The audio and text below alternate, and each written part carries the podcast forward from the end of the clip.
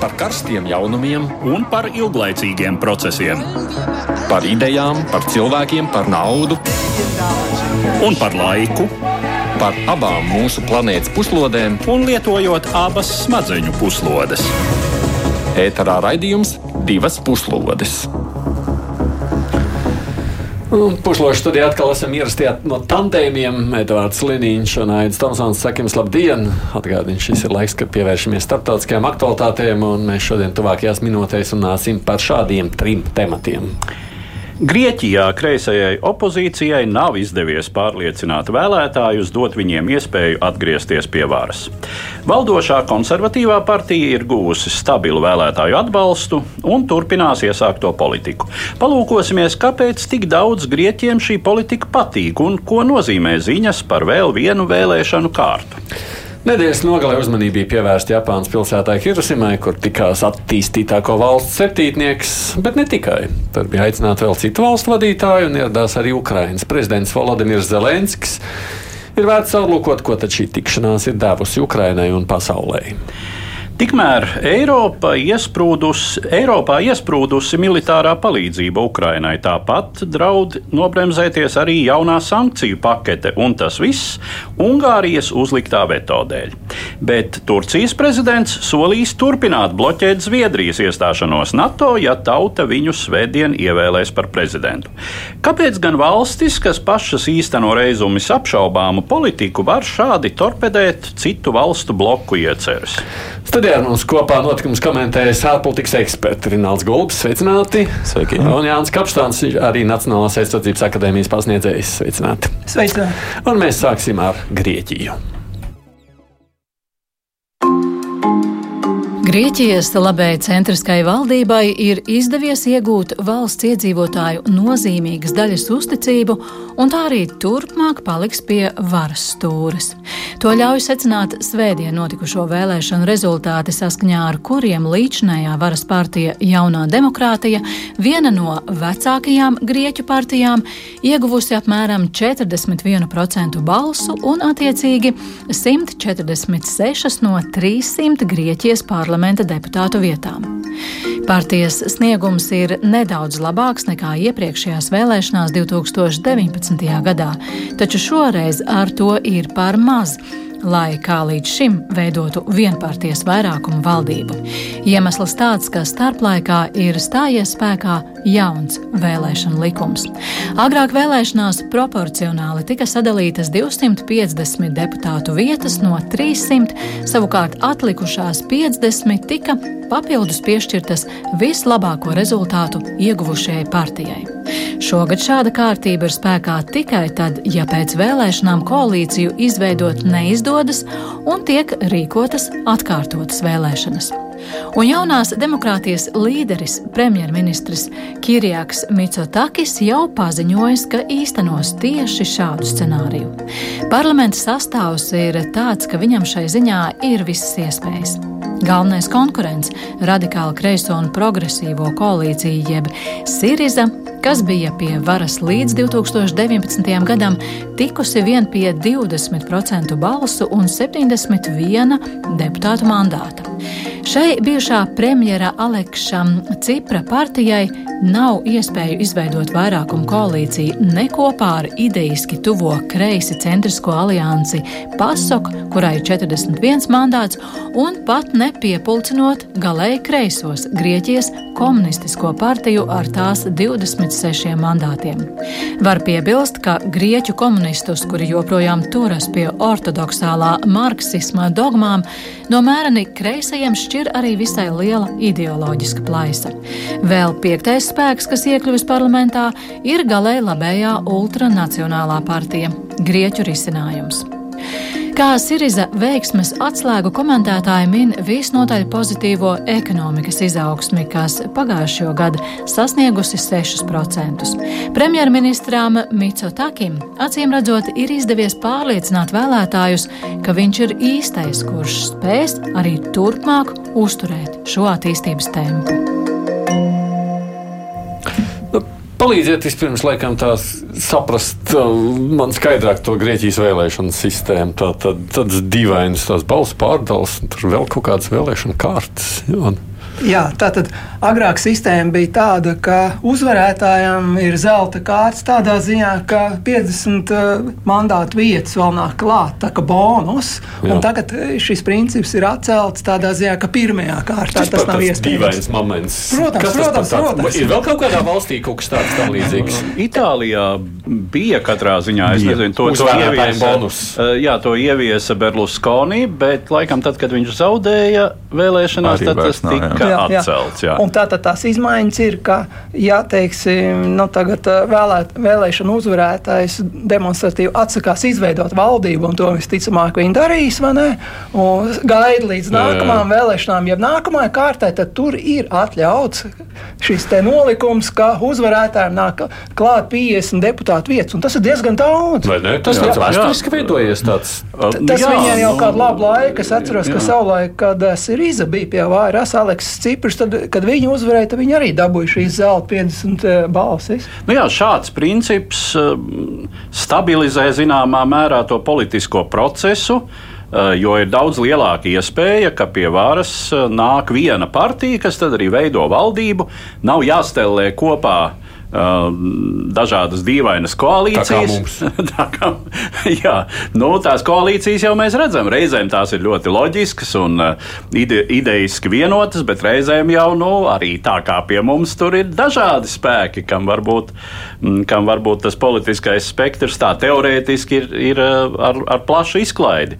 Izkliedi. Tā doma, lai nav koalīcija. Nu, šajā gadījumā jau arī, ja mēs skatāmies uz Mitsubishi, viņam jau arī nav tādas lielas izvēles brīvības, ar ko veidot koalīciju. Ir skaidrs, ka ar Sirīzu viņi tomēr nav tādi klasiski sociāldemokrāti. Viņi mm. tomēr ir tādi gana kreisi populisti. Un, um, Un ar to es domāju, viņš daudz vairāk iedragātu uh, partijas popularitāti un prestižu nekā rīkojot vēl viens vēlēšanas. Viņš neriskē neatklāt rīkojot tādas vēlēšanas. Protams, nu, pat šobrīd iekrāsojās, manuprāt, tikai viens no Grieķijas reģioniem, kas nebija pārliecinoši nobalsots. Nu, it, it kā, teiksim, izskan pieņēmumu, ka varbūt tie galēji labējie, tas Grieķijas risinājums varētu iegūt vairāk balsu šādās vēlēšanās, bet arī acīm redzot pie šīs 250 plus 50 sistēmas, nu, ja viņiem tagad ir teju 50%, skaidrs, ka nu, tā ir spēle ar, ar visiem, teju visiem trumpiem rokās. Bet teorētiski, bet ir vēl drīz vēl par, būtībā nozīmē, ka ir atkal vēl viens tāds pašs vēlēšanas. Jā, jā, tās ir atkārtotas vēlēšanas. Kas liekas jocīgi. Kas būs jūlijas sākumā. Vēl viens vēlēšanas, un pat ja Pa, pat ja Mitsotako vadītā partija dabū dažas vietas mazāk balsis, tik un tā Viņiem ir stabils vairākums, nu, viņi ir stabilā pirmā vietā, un viņi dabū šīs 50 papildu nu, balsis klāt. Un tad viņi dabū vairākumu. Jā, nu, tika izteikta versija, ka viņi, respektīvi, nu, tātad vienīgais spēks, ar kuriem viņi varētu veidot šo koalīciju, ir PASOK. Uh, kas ir kādreiz vēsturiski viņu nozīmīgs konkurents. Teiksim, uh, um, tā tad uh, Mitsotaka partija bija labēji centristi un PASOK bija kreisi centristi, nu tā diezgan izteikti sociāldemokrāti. Bet tur visam traucē viens ļoti konkrēts skandāls, kas notika pagājušo gadu, kur atklājās, ka valsts drošības dienests, kuru Mitsotakis bija nesen pakļāvis tieši savai kontrolei. Um, premjera kontrolei uh, ir noklausījies pasaku līdera telefonu, uh, lietojot uh, vīrusu, tātad mm. šo, šo programmu neatceros, izkrita nosaukums no prāta. Mm. Nu, mhm. īsāk sakot, skandāls, kuru daži dēvē par grieķu Watergate. Mm. Tur, es saprotu, tiesvedība vēl turpinās, un galvenais, ka ne premjeras, ne kāds cits, jā, vadošie drošības dienesta vadītājs ir atlaists no darba, bet, vai atkāpies. Bet, Neviens nav īsti paskaidrojis, ko tad jūs uh, meklējāt tajā pasauku līdera telefonā. Jā, un jāatzīst, ka nu, Mitsutakis tomēr nāk no tādas grieķu Kenedija dinastijas, un uh, viņi kontrolē Atēnas, un, un arī bijušais drošības dienas priekšnieks. Viņš ir krustdēls. Un, uh, māsas dēls. Un... Bet pēc Grieķijā vēlēšanās tas galīgi netraucē. Absolūti nē, tāpēc ka Grieķija patiesībā viņiem bija milzu vilšanās Sirijas īstenotajā politikā. Um, Bet Un tas ir dabiski. Mm. dabiski. No otras puses, viņi bija tie, kas iznesa vai ne to parādu. Jā, nastu. vienlaikus uh, viņi gāja ar populistisku lozungu: Mēs nepakļausimies Vācijas diktātam. Pakļāvās Vācijas diktātam un populistu kārtas. Vienkārši sakot, viņi vēlētāji tomēr smagi piemānīja, jo viņi tiešām teica, ka viņi nekādā gadījumā nepakļausies. Eh, Ciprs solīja, ka tikmēr to savu kakla saiti nenēsās un viss šī tāda trika. Viņi solīja visu, ko vien var apsolīt, bet beigās viņi savu vēlētāju piemānīja, jo viņiem faktiski nebija izvēles. Ja viņi nepakļautos starptautisko aizdevēju uzstādītajām prasībām, tad reāli viņi bija jau uz ļoti liels robežas, ka Nu, viņi jā, jā. izmet no Eirozonas un Jā, tālāk Nu, varbūt jā, arī un Eiropas Savienības dalība. tomēr tas sasniegums, nu, ekonomiskie sasniegumi ir nenoliedzami. Sevišķi ievērojot to, ka arī pandēmija jau iekrita, iekrita mm, šīs eh, labējās valdības varas periodā. Nu, arī ar to Mitsotakis diezgan sekmīgi ir ticis galā. Nu, 6% izaugsme, protams, pēc smaga krituma, kas, kas turpinājās ļoti ilgi, bet nu, tas, ir, tas ir tas, uh, uz ko tomēr, uh, ar ko tomēr var vēlētāji Jā, bet pārliecināt. nu, tādā salīdzinājumā, nu, tad, tad, tad, kad bija tas lielais parādu krīze, tad bija lūk, šī opozīcija kreisā, jā, bet opozīcija pie varas, nu, viņi izstiepa vai ne. Tagad viss, nu, kā saka, no krīzes izlāpšies ārā, tagad šie labie pārņēma. Oh. Tas ir viens Ne. jauns, ir izai vēl arī pārmet ļoti migrantu krīzes nerisināšanu. Mm. Un tas arī bija viens no tādiem momentiem, kas, kas iedragāja viņu uh, izredzes. Saglabāt kaut kādu dara? Šobrīd migrantu krīze kā tāda nav. Tā plūsma mm, no Ziemeļāfrikas ir pastāvīga. vienkārši paveicās. Nu, Nē, zināmā nē, mērā. paveicās. Faktiski, Atstrādāt sistēmu, jā. faktiski šeit taču bija Turcijas mēģinājums, kad atvēra robežas, palaida, bet šoreiz nebija nekāds jeb laipni lūdzu. Šoreiz uz robežas stingri policija ap, kā saka, nobloķēja robežu un nelaida iekšā, un Turcijas viss tiešām tā ir mēģinājumi izgāzās, un šeit Grieķi tiešām savu robežu nosargāja. Jā, nu, ir bijuši daži gadījumi, par kuriem arī kas ir tā kā, nu, no tāda Eiropas tiesiskuma viedokļa skandāls, ka nu, it kā teiksim. eh, Taisnība sakot, nemeklēju, cik to gadījumu ir bijis un eh, cik tie ir dokumentēti precīzi, bet nu, ka ir dažos gadījumos šīs bēgļu laivas aizvilktas atpakaļ neitrālos ūdeņos un tur atstātas, ka to ir darījusi Grieķijas krasta apsardze. Nu, kaut kas ļoti līdzīgs, ko mēs pie savas robežas darām, bijām atpakaļ uz Baltkrieviju. Nu, apmēram tā, jā. Bet šeit es uh, aicinātu apzināties tādu momentu, ka šie migranti viņi ir nelegāli imigranti. Viņi nav oficiāli no. likumdošanā paredzētajās kārtībās te nākuši un tiesības ieguvuši. Viņi ir nelegāli un teiksim, tā ar spēku mēģina tikt iekšā. un Tāpēc šeit runāt par viņu nu, pārāk lielām tiesībām nu, arī Nu, jā, nē, Te ir nevajadzētu. runa par, Jā. te ir runa par humānismu apsvērumiem un to, ka viņi potenciāli tiek atstāti dzīvībai bīstamos, iespējams pat bezpalīdzības apstākļos. Bet nu, tas ir, tad tur ir jā, jā es, es to neapgalvoju. Iespējams, humānismu, protams, ir ļoti uzmanīgi, jo, ja viņas skaits ir ļoti liels, nu, Nu, tad, jā, jā, tad, jā, tad tas tas viss arī jā, jā. beidzās. Humānisms var būt pret nelielu skaitu, bet, ja masveidā tas ir jautājums, iekšā, kur viņus, jau ir kur viņus atstāja, kāda, kādi bija laika apstākļi, vai viņiem iedeva ūdeni vai neiedeva. Nu, ir nianses ļoti, ļoti nozīmīgi. Tas, ka tāds apgalvojums izskan starptautiskajā presē, nu, es to pieminu, jā, ka tas liecina par vispārējo tendenci, protams, to robežu sargāt uh, un uh, nelegālos iekšā nelaist. Jā, un katrā ziņā raugoties uz šī brīža situāciju, var teikt, ka vidējais grieķis ir noilgojies varbūt pēc tādas pat stagnējošas stabilitātes, mm. bez lieliem jauniem izaicinājumiem. Tāpēc tagad ir um, piedots arī tas, ka um, netika galā īsti ar vilcienu katastrofu, ar, ar uh, premjerministra māsas kontrolēto Atēnu domas uh, skandālu par finanšu resursu izmantošanu. Mm.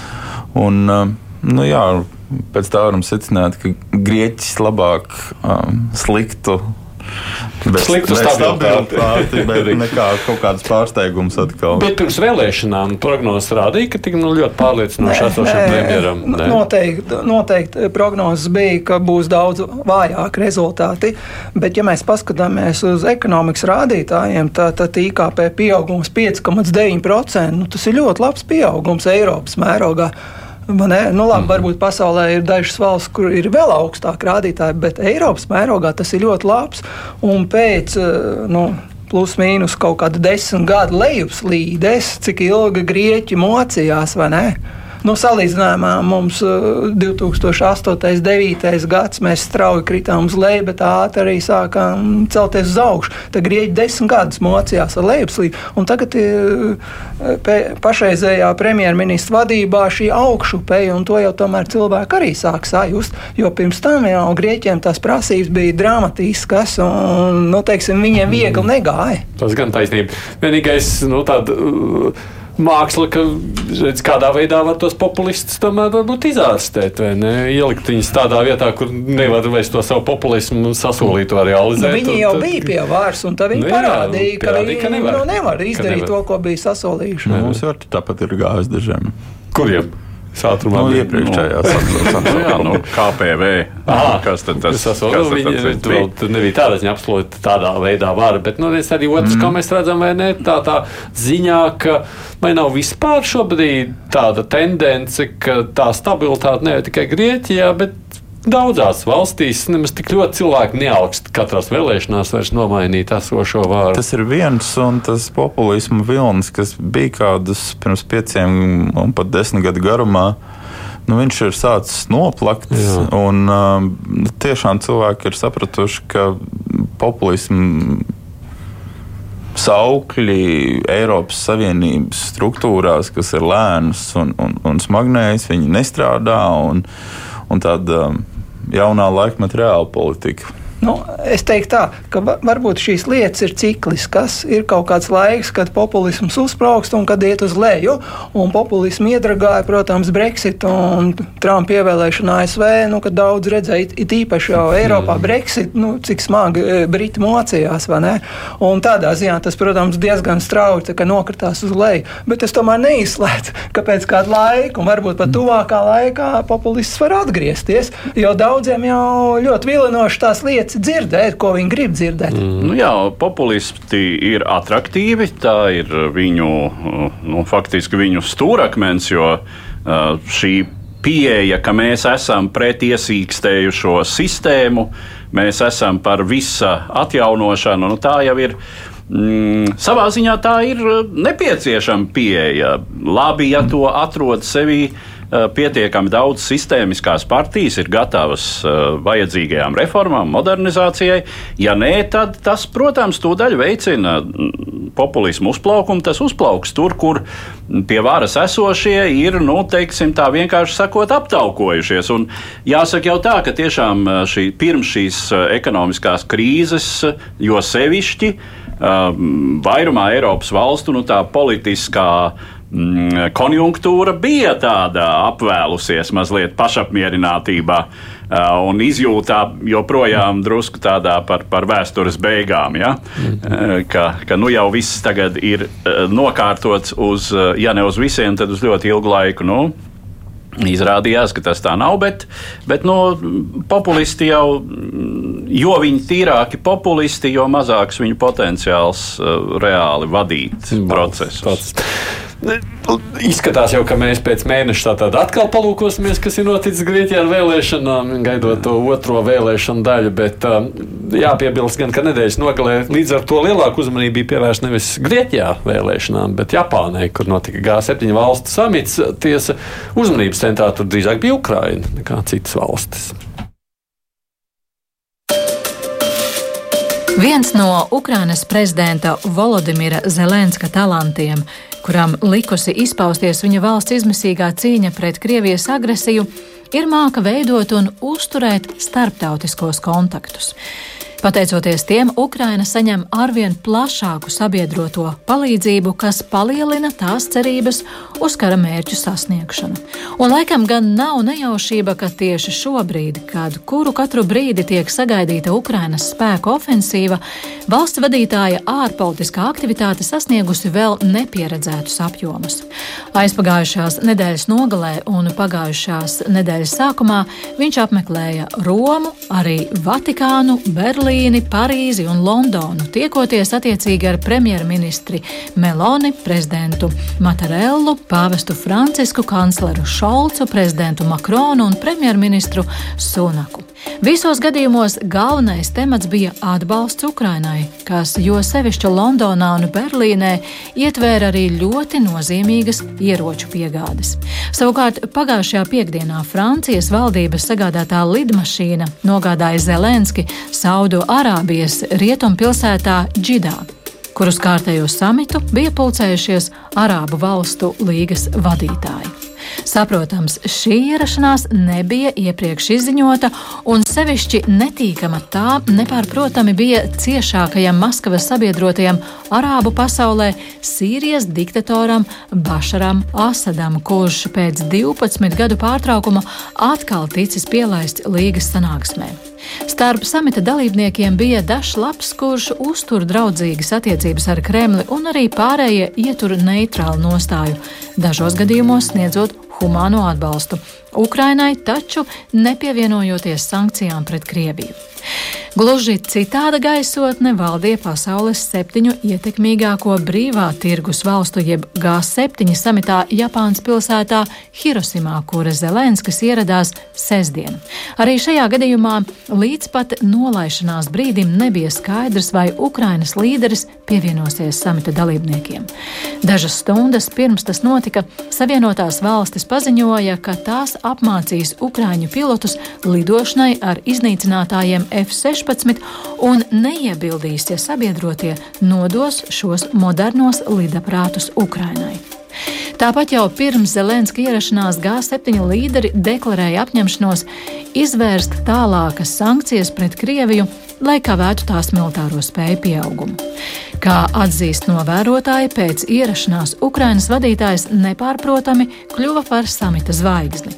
Tomēr visa notikuma svarīgākais akcents palika nemanīts, un tā bija Ķīnas ekspansija reģionāli un globāli. Pieņemtajos dokumentos nosodīta Pekinas tendence izmantot starptautisko tirdzniecību kā ietekmes sviru un pausts nepārprotams atbalsts Taivānas neatkarībai. Kā ierasts samitā piedalījās arī Eiropas komisijas prezidente Urzula Fonderleina, Eiropadomes priekšādātājs Šarls Mišels, kā arī uzaicinātie vairāku citu valstu vadītāji. Kā sevišķi nozīmīga tiek atzīmēta prezidenta Zelenska tikšanās ar Indijas premjerministru Narendru Modi. Par šo tikšanos ar Indijas citu. Es saprotu, ka tur citi arī tarē, cerēja tikties. Tur Brazīlijas prezidents pauda vilšanos, ka Zelenskis jau nav viņam atradis laiku. Indijas, Indija svarīgāk par Brazīliju? Jā, Indija Ukrainai nu, noteikti ir svarīgāk par Brazīliju. Um, no tā viedokļa, ka Indija zināmā mērā neizbēgami ir pretsvars Ķīnai. Un, ja Ķīnas draudzīgā, uh, nu, tāda, tās siltās attiecības ar Krieviju, kur visu laiku jautājums svārstās uz robežas, vai Ķīna sniedz jau vai, vai vēl varbūt tomēr nesniedz Krievijai militāru palīdzību, vai, vai tas varētu pēkšņi notikt. Nu, Ķīnas nopietna palīdzība Krievijai būtu liela problēma ne tikai Ukrainai, bet, protams, visiem, kas ir tās pusē. Nu, un Indija ir Āzijā kā otra, faktiski vai vai nu jau, nu jau pēc iedzīvotāju skaita, man liekas, ir, ir, ir jau lielākā pasaules valsts, vai mm vairs ne Ķīna, bet Indija. Nu, un Indija uh, ir tāds arī, kurai ar Ķīnu ir vēsas attiecības.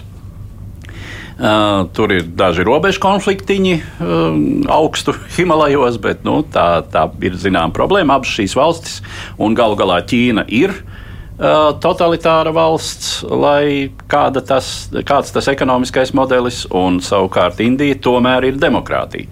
Un līdz ar to nu, visas rietumvalstis, kad skatās uz saviem potenciālajiem sabiedrotajiem uh, Āzijā, uh, tad Indija tur nu, no tiem, kurus vajadzētu piesaistīt.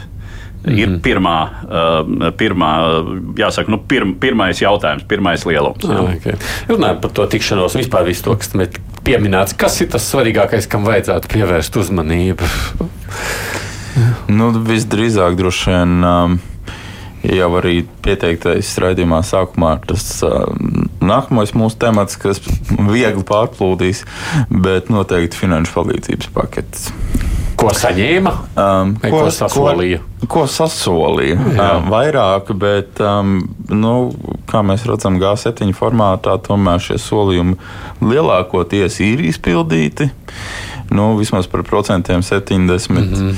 um, un um, G7 samits ir pavērs tās iespējas, um, kā jau arī Edvards minēja, um, mēģinājumiem Indiju kā izvilkt uh, no Brits, Brits apvienības kāvieniem un uh, uzsākt šo dialogu.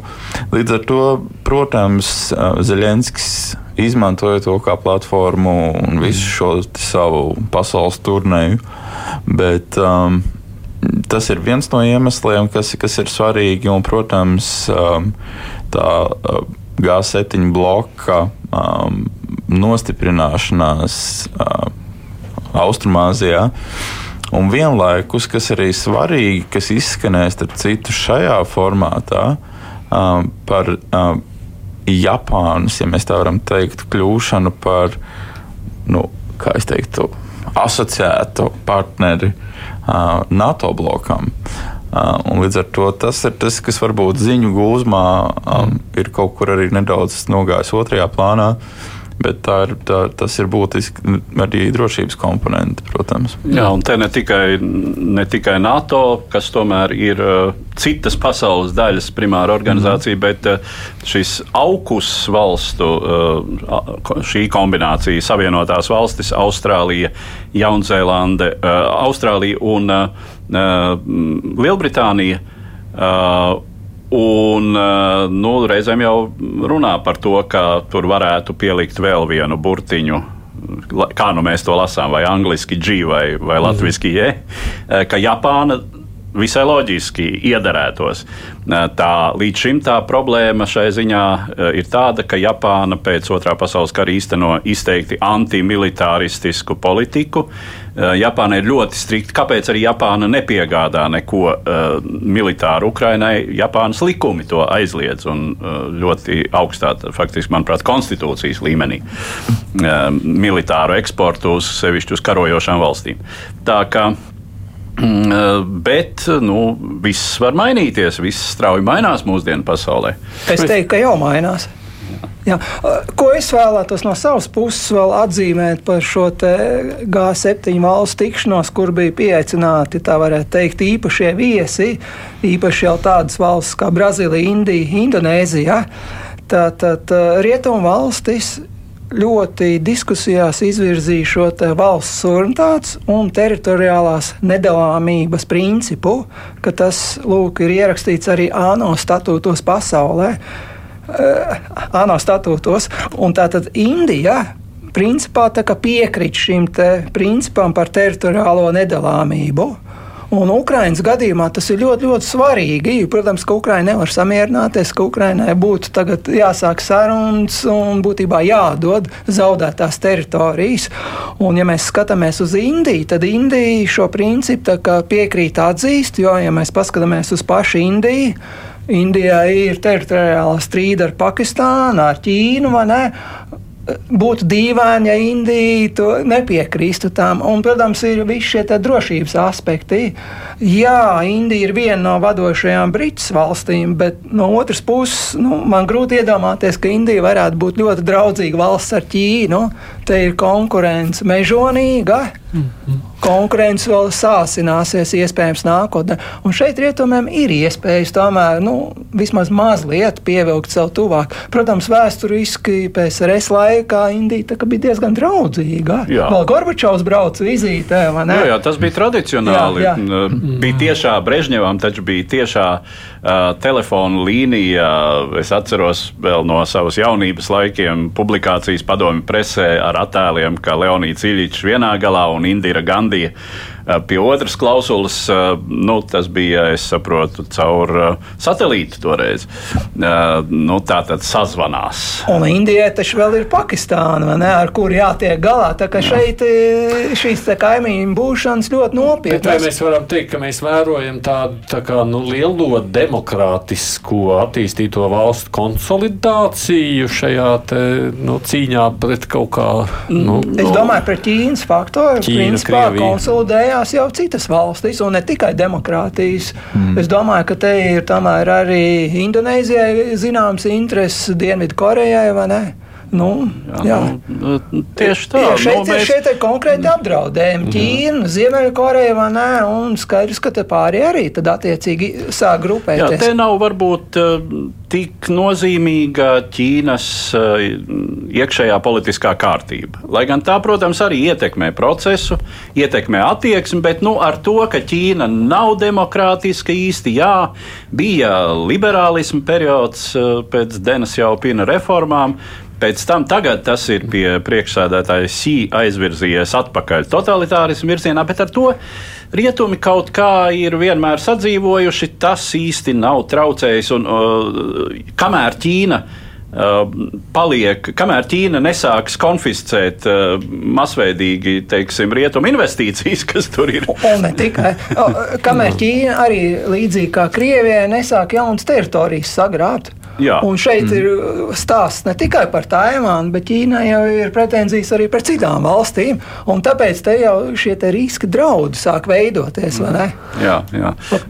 Par Brazīliju negribu vēl jautāt, bet par to bija vērts viņam braukt uz ārābu valstu tikšanos Zelenskim. Es domāju, noteikti bija vērts kaut. Uh, šīs valstis uh, ietur uh, visnotaļ distanci kā no rietumiem, tā no austrumiem, bet varbūt tieši tādēļ. Uh, un uh, tas, kas tiek atzīmēts, nu, tas, tas iespējams tas ir vairāk tāds rietumu fokus, bet to, ka Zelenskis tur ir nozadzis uh, teju vai triumfālu atgriešanos Asadam.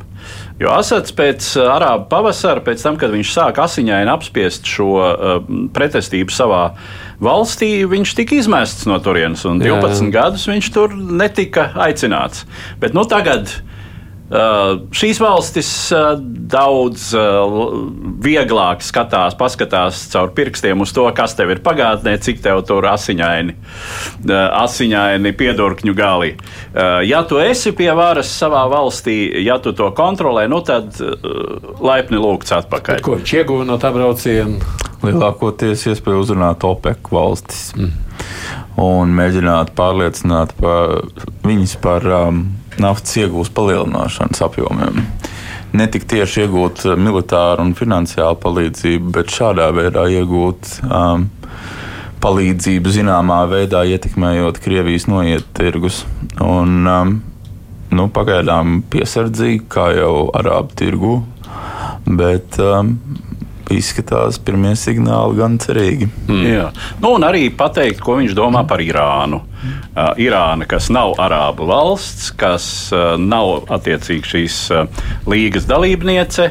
Un kurai ir ļoti uh, sliktas attiecības ar mm, namatēvu, tātad uh, Saudārābiju. Uh, nu, pateikt par Irānu biezu vārdu, kas Zelenski, protams, ir sakāms, ievērojot mm. visu šo šahedu sāgu. Ja? Nu, Tas imponē. Tas imponē arābiem. Nu, cik man ļaus, varbūt beigās es vēl Ukraiņai uzmanību pievēršu, bet ir viens temats, jā, ko jau Ronalds pieminēja, sakot, ka mēs gribējām negrib pārējiem runāt par valstu attiecībām. Tas ir stāsts jā, par pieņemtiem lēmumiem un iespēju tos īstenot. Pagājušajās dienās Eiropas politikas degpunktā jau atkal nonākusi Ungārijas un tās premjera Viktora Orbāna īpašā nostāja Krievijas agresijas pret Ukrainu sakarā. Ungārija turpina bloķēt kārtējo militārās palīdzības izmaksu Ukrainai 500 miljonu apmērā no tā saucamā Eiropas miera mehānisma, finanšu instrumenta, kas paredzēts Eiropas Savienības partneru valstu aizsardzības spēju stiprināšanai. Tāpat Budapešta atsakās piekrist nākamās Savienības sankciju paketes ieviešanai, kuras fokusā ir cīņa pret Krievijas sankciju apiešanu caur trešajām valstīm. Konkrētais iegans, ko min Ungāru prese, ir Ungārijas banka OTP Bank, kuru Kijava iekļāvusi karu atbalstošo institūciju sarakstos. Kā apgalvo Budapešta, šādas apsūdzības esot nepatiesas.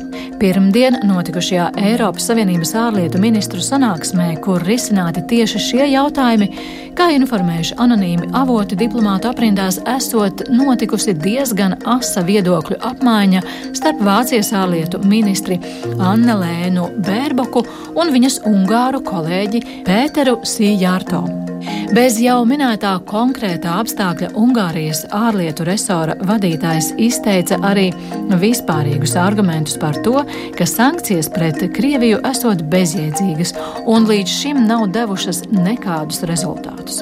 Vakar intervijā aģentūrai Bloomberg šo tēmu izsvēra arī Ungārijas premjerministrs Viktors Orbāns, paziņojis, ka viņa viedoklis nesakrītot ar Eiropas mainstreamu, viņš postulēja, ka Ukrainai nav izredzu uzvarēt karā pret Krieviju un attiecīgi militārs atbalsts tai tikai turpinot asins izliešanu.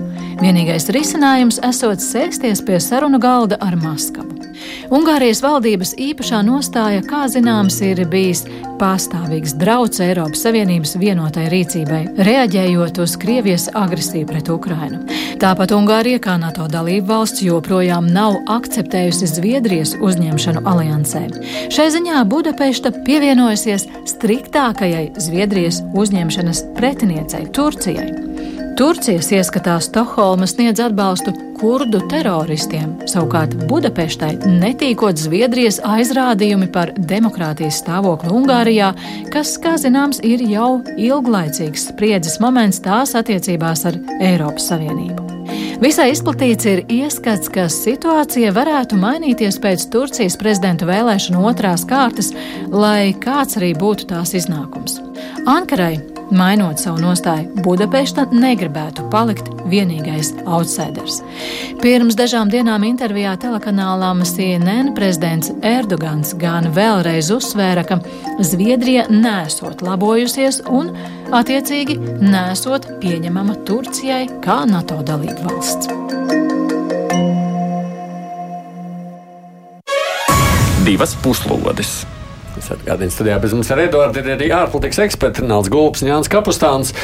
Nu, vispār par Ungāriju runājot, sociālos tīklos, un ne tikai Latvijā var redzēt tāds aicinājums, ja iedzīvotāji rakstītu to, nu tad beidzot nav pienācis laiks izslēgt Ungāriju no Eiropas Savienības un vispār no NATO ārā. Es domāju, ka tas ir veids, um, kas ir jādara nevis mums, bet uh, Nu, pašiem Ungāriem. bet, uh, jā, katrā ziņā šī Orbāna nostiprinātā varas vertikāla, par ko mēs um, arī pētot Ungārijas iekšpolitiku brīdinājām jau pirms gadiem 12 kad Fidesz nāca pie varas un sāka nostiprināties ar vien vairāk, un ar domu par eirocentrismu un, un centrisku labēju um, spēku, apmēram kā mums kādreizējā tautas partija, kas, kas pašķīda un vispārējais, bet uh, tieši ar šādu lozungu nostiprinājās, tā ir mazā Krievija Eiropas Savienībā. Mm. Mēs nevienā citā Eiropas demokrātijā neredzam tik spilgti izteiktu varas vertikāli. A, viņš ārā nevar dabūt no turienes. Nu, domāju, no mūsu No Eiropas organizācijām, jā, Eiropas Savienības. Šobrīd mehānisma nav. Kas nozīmē vienreiz iestājas un tad uz mūžu? Jā, Lisabonas līgums principā paredz um, smagus teiksim, ierobežojumus līdz pat um, balstiesību apturēšanai, bet nepilnīgi izslēgšanu no savienības. jā. Aplami varbūt. Jā. Varbūt. Jā, nu, un neko tur mainīt nevar. Nu, mēs varam, mēs varam uzsākt vienu miljonu pils, Eiropas pilsoņu iniciatīvas vākšanu. Vajadzētu. Varam mēģināt, varbūt. Nu, varbūt ka es jau nu, tā, tīri teorētiski uz šo skatoties, um, un uh, gluži otrādi, varbūt emocionāli, uh, ir kaitinoši. Uh, ir kaitinoši, un, un nu, tas. Uh, Es varu iedomāties, cik tas ir satraucoši un nepatīkami no Kievas skatoties. Jo nu, visa šī Ungārijas nostāja zināmā mērā izriet arī no tā, ka Ungārijai nav labas attiecības ar Ukrajinu jau vēsturiski. Ukrainā dzīvo neliela ungāru minoritāte pašos valsts rietumos. Un, nu, tiešām Ukraiņi viņiem dara tik ļoti pāri nu, no tādas uh, Latvijas uh, teiksim, izglītības politikas viedokļa raugoties, nē. Tur, manuprāt, Ungāru skolas vai nu, skolas ar nozīmīgu ungāru valodas apmācību joprojām uh, tur uh, aizkarpatos pastāv. Un par ko sūdzās tad Ungāri? Uh, bet, nu, jā, nu, šī minoritāte, jā, nebaudot pietiekami lielas tiesības, Bet uh, nu, ir tā, ka Ungārija ir viena no tām Eiropas nācijām, kas dažādu vēsturisku apstākļu dēļ nav līdz galam uh, izslimojusi tādu mm, um, pagātnes impēriskuma slimību. Mm. Kur, protams, teiksim, varētu, varētu teikt tā, ka nu, ar Ungāriju nesevišķi um, varbūt godīgi vai, vai nu, grūti atrast to pareizo raksturojumu. Apgājās pēc Pirmā pasaules kara, kad patiešām ļoti nozīmīga ungāru minoritāte palika ārpus Ungārijas teritorijas. Mm. Vēsturiskās zemēs, kas, kas ir Ungāru zemes, um, nu, apmēram tūkstošus gadus vismaz skatoties no, uh, no šodienas um, skatu punkta, tās palika Rumānijas pusē, un Ungāru minoritātei Rumānijā klājās visai grūti, sevišķi Čaušesku diktatūras laikā mm, un arī pirms tam. Rumāņi arī ir diezgan krietni nacionālisti un, un arī ar savām impēriskajām ambīcijām, zināmā mērā tāda reģiona lielvalsts ambīcijām. Un šī vēsture sāsina to izjūtu, kas Ungārijai ir par saviem tautiešiem, kuri dzīvo lūk vēsturisku apstākļu dēļ gan Slovākijā ir ievērojama ungāru minoritāte, gan Lūk, Ukrainā ir zināma minoritāte. Nu, nerunāsim par Rumāniju, kur mm. viņi ir ļoti daudz. Un ko šo vēsturisko uh, nastu lai dara tagad šodien? Es iesākšu ar to, ka, nu, ja runā par Ukrainu, nu, tad šī aizkarpatu reģions, jeb apgabals, tātad ar centru Užgorodā, mm. tās ir bijušās Ungāru teritorijas, un tāpēc viņi mēģina savu vecākā brāļa pāraudzību paturēt. Tālāk, skatoties attiecībās ar Krieviju, Ungāriem nav tiešā robeža ar Krieviju, viņiem nav šī tieša apdraudējuma. Tad viņi jau var sākt spēlēt ekonomiski, ja mēs skatāmies. Tad, uh, Ar Krievijas atbalstu viņi ceļ sev atomelektrostaciju par nu, izdevīgākām cenām, ar lētākiem kredītiem, krievu speciālistiem un tam līdzīgi. Un te viņiem ir kaut kāds tas izdevīgums. Nu, izdevīgums jau vienmēr ar Krieviju ir atrodams ekonomisks, ja grib, vai ne tur gāzi un, un vispār. Un, un tālāk, ja mēs paskatāmies attiecībās ar Eiropas Savienību, tad nu, faktiski viņiem tik vienkāršot jau nav. Pagājušā gada 13. decembrī bija Eiropas Savienības lēmums iesaldēt 55% no fondiem, kas pienāks Ungārijai un pilnīgi visu naudu no tā saucamā ekonomikas atjaunošanas plāna. Tātad šeit jau faktiski šī atslēga parādās. Daļa fondu naudu kas ir paredzēta Ungārijai, ir iesaldēta. Un, ko Ungāri var darīt? Tad viņi, lai sev uzsistu cenu, tad viņi atkal bloķē ne, citos jautājumos. Mēs jums tieši tā. Ne? Jā, jūs bloķē, mums nedodat. Viņi, viņi bloķē tātad 5 miljārdi. Viņi mm. tātad bloķē, nu, vismaz cenšas, cik var Ukrainu, Zviedriju, vai ne? Un tādā veidā viņiem pat ir zinām panākumi, jo, piemēram, no bloķētās, ja iesaldētās naudas iesaldēja nevis 65%, kā bija iepriekš paredzēts, bet 55%, lai mm. noņemtu viņu veto nost. Kas nozīmē, ka arī šobrīd, lai lietas iet uz priekšu, nāksies bišķi atkal nu, pacīnīties, kaut ko iedot Es gribu teikt, ka šeit ir tāds tirgošanās princips, Jā. un lai arī juridiski pašlaik nav mehānismu, nu, kā varbūt ātri ar viņiem tikt galā, ja tā varētu teikt. Šeit faktiski ir šis tirgošanās mehānisms, ne? Un nu, viņiem, un arī pat poļiem daļai tomēr šī fonda nauda ir iesaldēta, un šie ir varianti, nu, kā teiksim, uz viņiem spiedienu. Un te ir tāda kā savstarpēja Nu, jā, spēle. Jā. Un ko viņi turpinās tādā pašā veidā spiest viens otru? Jā? Nu, droši vien, bet atšķirībā, teiksim, ja mēs iepriekš runājām par arābu pasauli, kur tomēr arābu līderi Al-Asadu 12 gadus nepielaida pie sarunu galda, tad šajā gadījumā Eiropas līderi arī redzot būtiskus apdraudējumus demokrātiskajai iekārtai Ungārijā, sakot jau ar preses brīvības likumu 2008. gads, manuprāt, tas bija jau kas bija pirmais signāls, pēc tam tiesu reforma, dažāda veida um, kopienu ierobežošana un, un, un tam līdzīgi, un arī etnisko minoritāšu ierobežošana, uz ko Eiropas Savienība un arī apvienotās nācijas ir norādījušas uz Romu kopienas vajāšanu bezmaz vai Ungārijas teritorijā, kas tiešām atšķirībā no tā, kas notiek šīs dienas Rumānijā un, un, un Ukrainā ar Ungāriem ir nesalīdzināma. Um, un mēs joprojām sēžam ar Orbānu pie viena sarunu galda.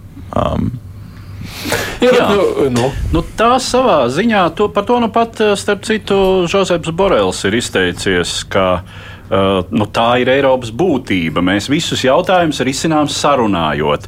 Un arī šajā gadījumā nu, tas bija pirms, taisnība sakot, šiem Orbāna mm, odiozajiem izteikumiem, bet eh, brīdī, kad jau bija uz galda šis jautājums par to Ungārijas banku, uh, tad. Uh, tā sacīt, Eiropas Savienības vadošais diplomāts teica, nu tā Eiropas Savienībā tas notiek. Mēs vienmēr risinām to sarunu ceļā. Savā ziņā tā ir Eiropas Savienības būtība, tā ir, tā ir Eiropas Savienības sakne. Eh, Tiešām meklēt konsensu līdz galējai iespējai, eh, nu, nevelti nav mehānismu, lai izmestu kādu. Ir, ir jāsarunā, ir jāvienojas. Eh, No otras puses, eh, kara situācija eh, padara visu šo daudz eh, mm, riskantāku. Nu, jā, bet Zīgs, piemēram, jautā, bet ja nebūtu varbūt Krievijas propagandas par Ukrainu, tad tās bez tā iespēja Ungāri nu, būtu neitrālāki. Es tomēr arī kādu labu vārdu mēģinātu atrast arī par Ungāriem, lai mēs ne tikai to kritisko, lai gan es, protams, pievienojos tam iepriekš kritiskiem vērtējumiem. Tātad, ko kā mēs varētu, teiksim, labu par Ungāriem pateikt, nu viņi tā kā mēģina veidot tādu kā Austrum Eiropas vērtību nākotnes tā kā modeli pretstatā rietumu vērtībām. Nu, es domāju par ģimenes lietām un tam tas, ir, tas līdzīgi. ir tādā ziņā, tas tiek mūsu šleser variants. Nu, Šlēsers es te negribētu pieminēt, Nu. Bet saistībā arī piemēram ar migrāciju 2015. gada šī migrācijas vilnis, kad uh, viņi tomēr stingri sāk iestāties pret šo migrāciju.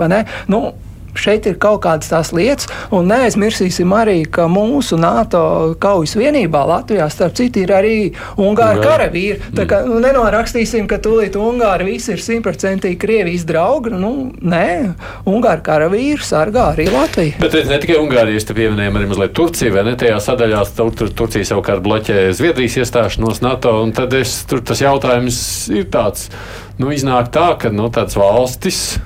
Kā tur tajā pieteikumā tavā tur bija teikts, vai ne, kuras pašas īsteno tādu savdabīgu politiku apšaubām reizēm, nu viņas var būtībā šantažēt visus pārējos.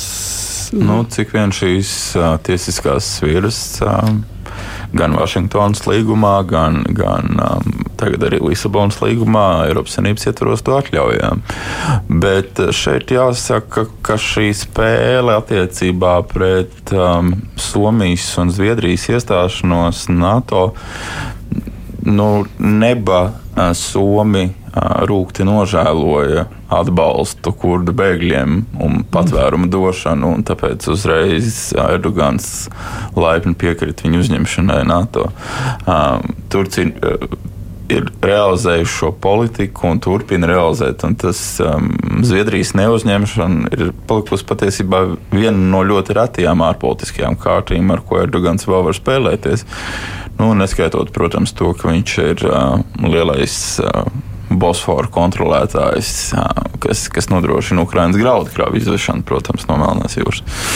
Bet um, situācija uh, Zviedrijai, jā, attiecībā pret Somiju, Zviedrijā šīm kurdu organizācijām ir nevalstisko organizāciju status. Um, Un līdz ar to tas ir tas, uz ko Ankara ir vairākas reizes norādījusi. Atņemiet um, nevalstisko organizāciju statusu, kas Stokholmai, protams, ir nepieņemami iejaukties nevaldības organizāciju darbā. Un, um, ja vien viņas nepārkāpj likumu, nesludina kādu nezinu, rasu naidu, neiecietību vai ko citu, Zviedrijā nav legāla pamata likvidēt šīs kurdu nevaldības organizācijas. Bet mēs varam kaut kādas nu, paralēlas vilkt starp to pašu, ko dara Turcija un Ungārija. Jā, visnotaļ. Jā. Uh, izmantojot, kā jau teicu, ne, šīs retās ārpolitiskās kārtas. Ja Ungārijai tā ir, būsim godīgi, ne turkiem ir kādi draugi tūmā, ja mēs paskatāmies ap robežu līniju, uh, ne Ungārijai ir palikuši kādi draugi. Mm. Uh, nu, austrieši saka, ka viņi vēl ir draugi, bet austrieši dēļ lētās lauksaimniecības produkcijas ir viņu draugi. Un Austrija nav NATO. Un Austrija nav NATO. Jā. Un, un nebūs arī visdrīzāk, jo Austrijas konstitūcijā ir ierakstīts neutralitātes status. Mm -hmm. Jā, bet tas nozīmē, ka nu, pagaidām mēs vienkārši nu, tas ir tāds kompromisa meklējums un iztirgošana, ko nu kurš varēs atrast. Nu, zināmā mērā tas ir vēstures mantojums, tā ir tāda bagāža, ka Eh, nu, šīs organizācijas ir veidojušās citos apstākļos, labākos laikos, eh, vai katrā ziņā citādos laikos, kad, piemēram, Turcija uzņēma NATO tad eh, nevienu īpaši neinteresēja mm, tā ļoti būtiski šīs valsts demokrātijas kvalitāte. Un Turcija palika NATO arī tad, kad tur pie varas bija militāras huntas, kas notika mm. divas vai trīs reizes. Un es vēl gribētu teikt, ka Turcijas gadījumā faktiski jau tas stāsts ir par attiecībām ar ASV. Arī iekšpolitiski Erdogana konkurents Gilēns taču patvērties ASV. Un šeit ir, principā, viņi tirgojas īstenībā jau ar amerikāņiem, un zviedri tas ir tāds redzamais bubulis, ko izmantot šajā spēlē. Jā, es, es jau domāju, ka zviedra eh, un te, eh, kurdi viņiem īstenībā maz interesē, bet viņiem šīs attiecības ar Ameriku caur Zviedrijas kārti. Jā, un Amerika arī ir tā, kas. Uh, reāli mm, var. Mēs varbūt nemanām šobrīd tos diplomātiskos spiedienus, bet šāds spiediens ir no Vašingtonas uz Ankaru. Uh, un, uh, Es atkārtošu to, ko teicu pirms, jau pirms pāris raidījumiem. Nu, šis spiediens visdrīzāk uh, tikai pieaugs arī ar motīvu, ja Erdogans tiks pārvēlēts, nu tad tagad, tagad tev iekšpolitiskā vajadzība pēc šī motīva ir atkritusi. Nu, tad draudziņi. Tomēr. Proties. Vienīgais, ko es beigās klausoties jūsos, secinu, nu, tā mācība tāda ir. Nu, šajos laikos, tad, tajā, kamēr tev tur jāiestājās vienalga Eiropas Savienībā vai NATO, tur ir milzīga plasība gūzma, kurus tev jāīsteno tam līdzīgi. Galvenais tik iekšā pēc tam, jo tu vari darīt. Nu, bet vai gribi. tad mēs arī savā nesenajā vēsturē nevērojam? Tas ir precīzi, kad mēs klubiņā esam iekšā un esam mm. kluba biedri lemšanas uh, no tiesībām, tad tas jau ir mūsu spēks. Bet, kā teica savulaik, nu jau viņa saulē esošais profesors Kalvs Torgāns, ko viņš stāstīja jaunajiem juristiem, kā ir jāraksta tiesība akti, viņš saka, atcerieties, vai jums ir automātiskā vai, vai mehāniskā pārnesuma kārba automašīnā, jums vienmēr vajag iestrādāt arī atpakaļgaitas ātrumu. Nē, nē, tas nav iestrādāts šajā reizē. Starp citu, par ko arī nu, es ceru, kāds kādreiz vairāk domās šajās organizācijās mums jābeidz uh, šodienas raidījums. Mēs apzināti neizvēlējāmies beigās par Belgradas notikumiem runāt vispārējo.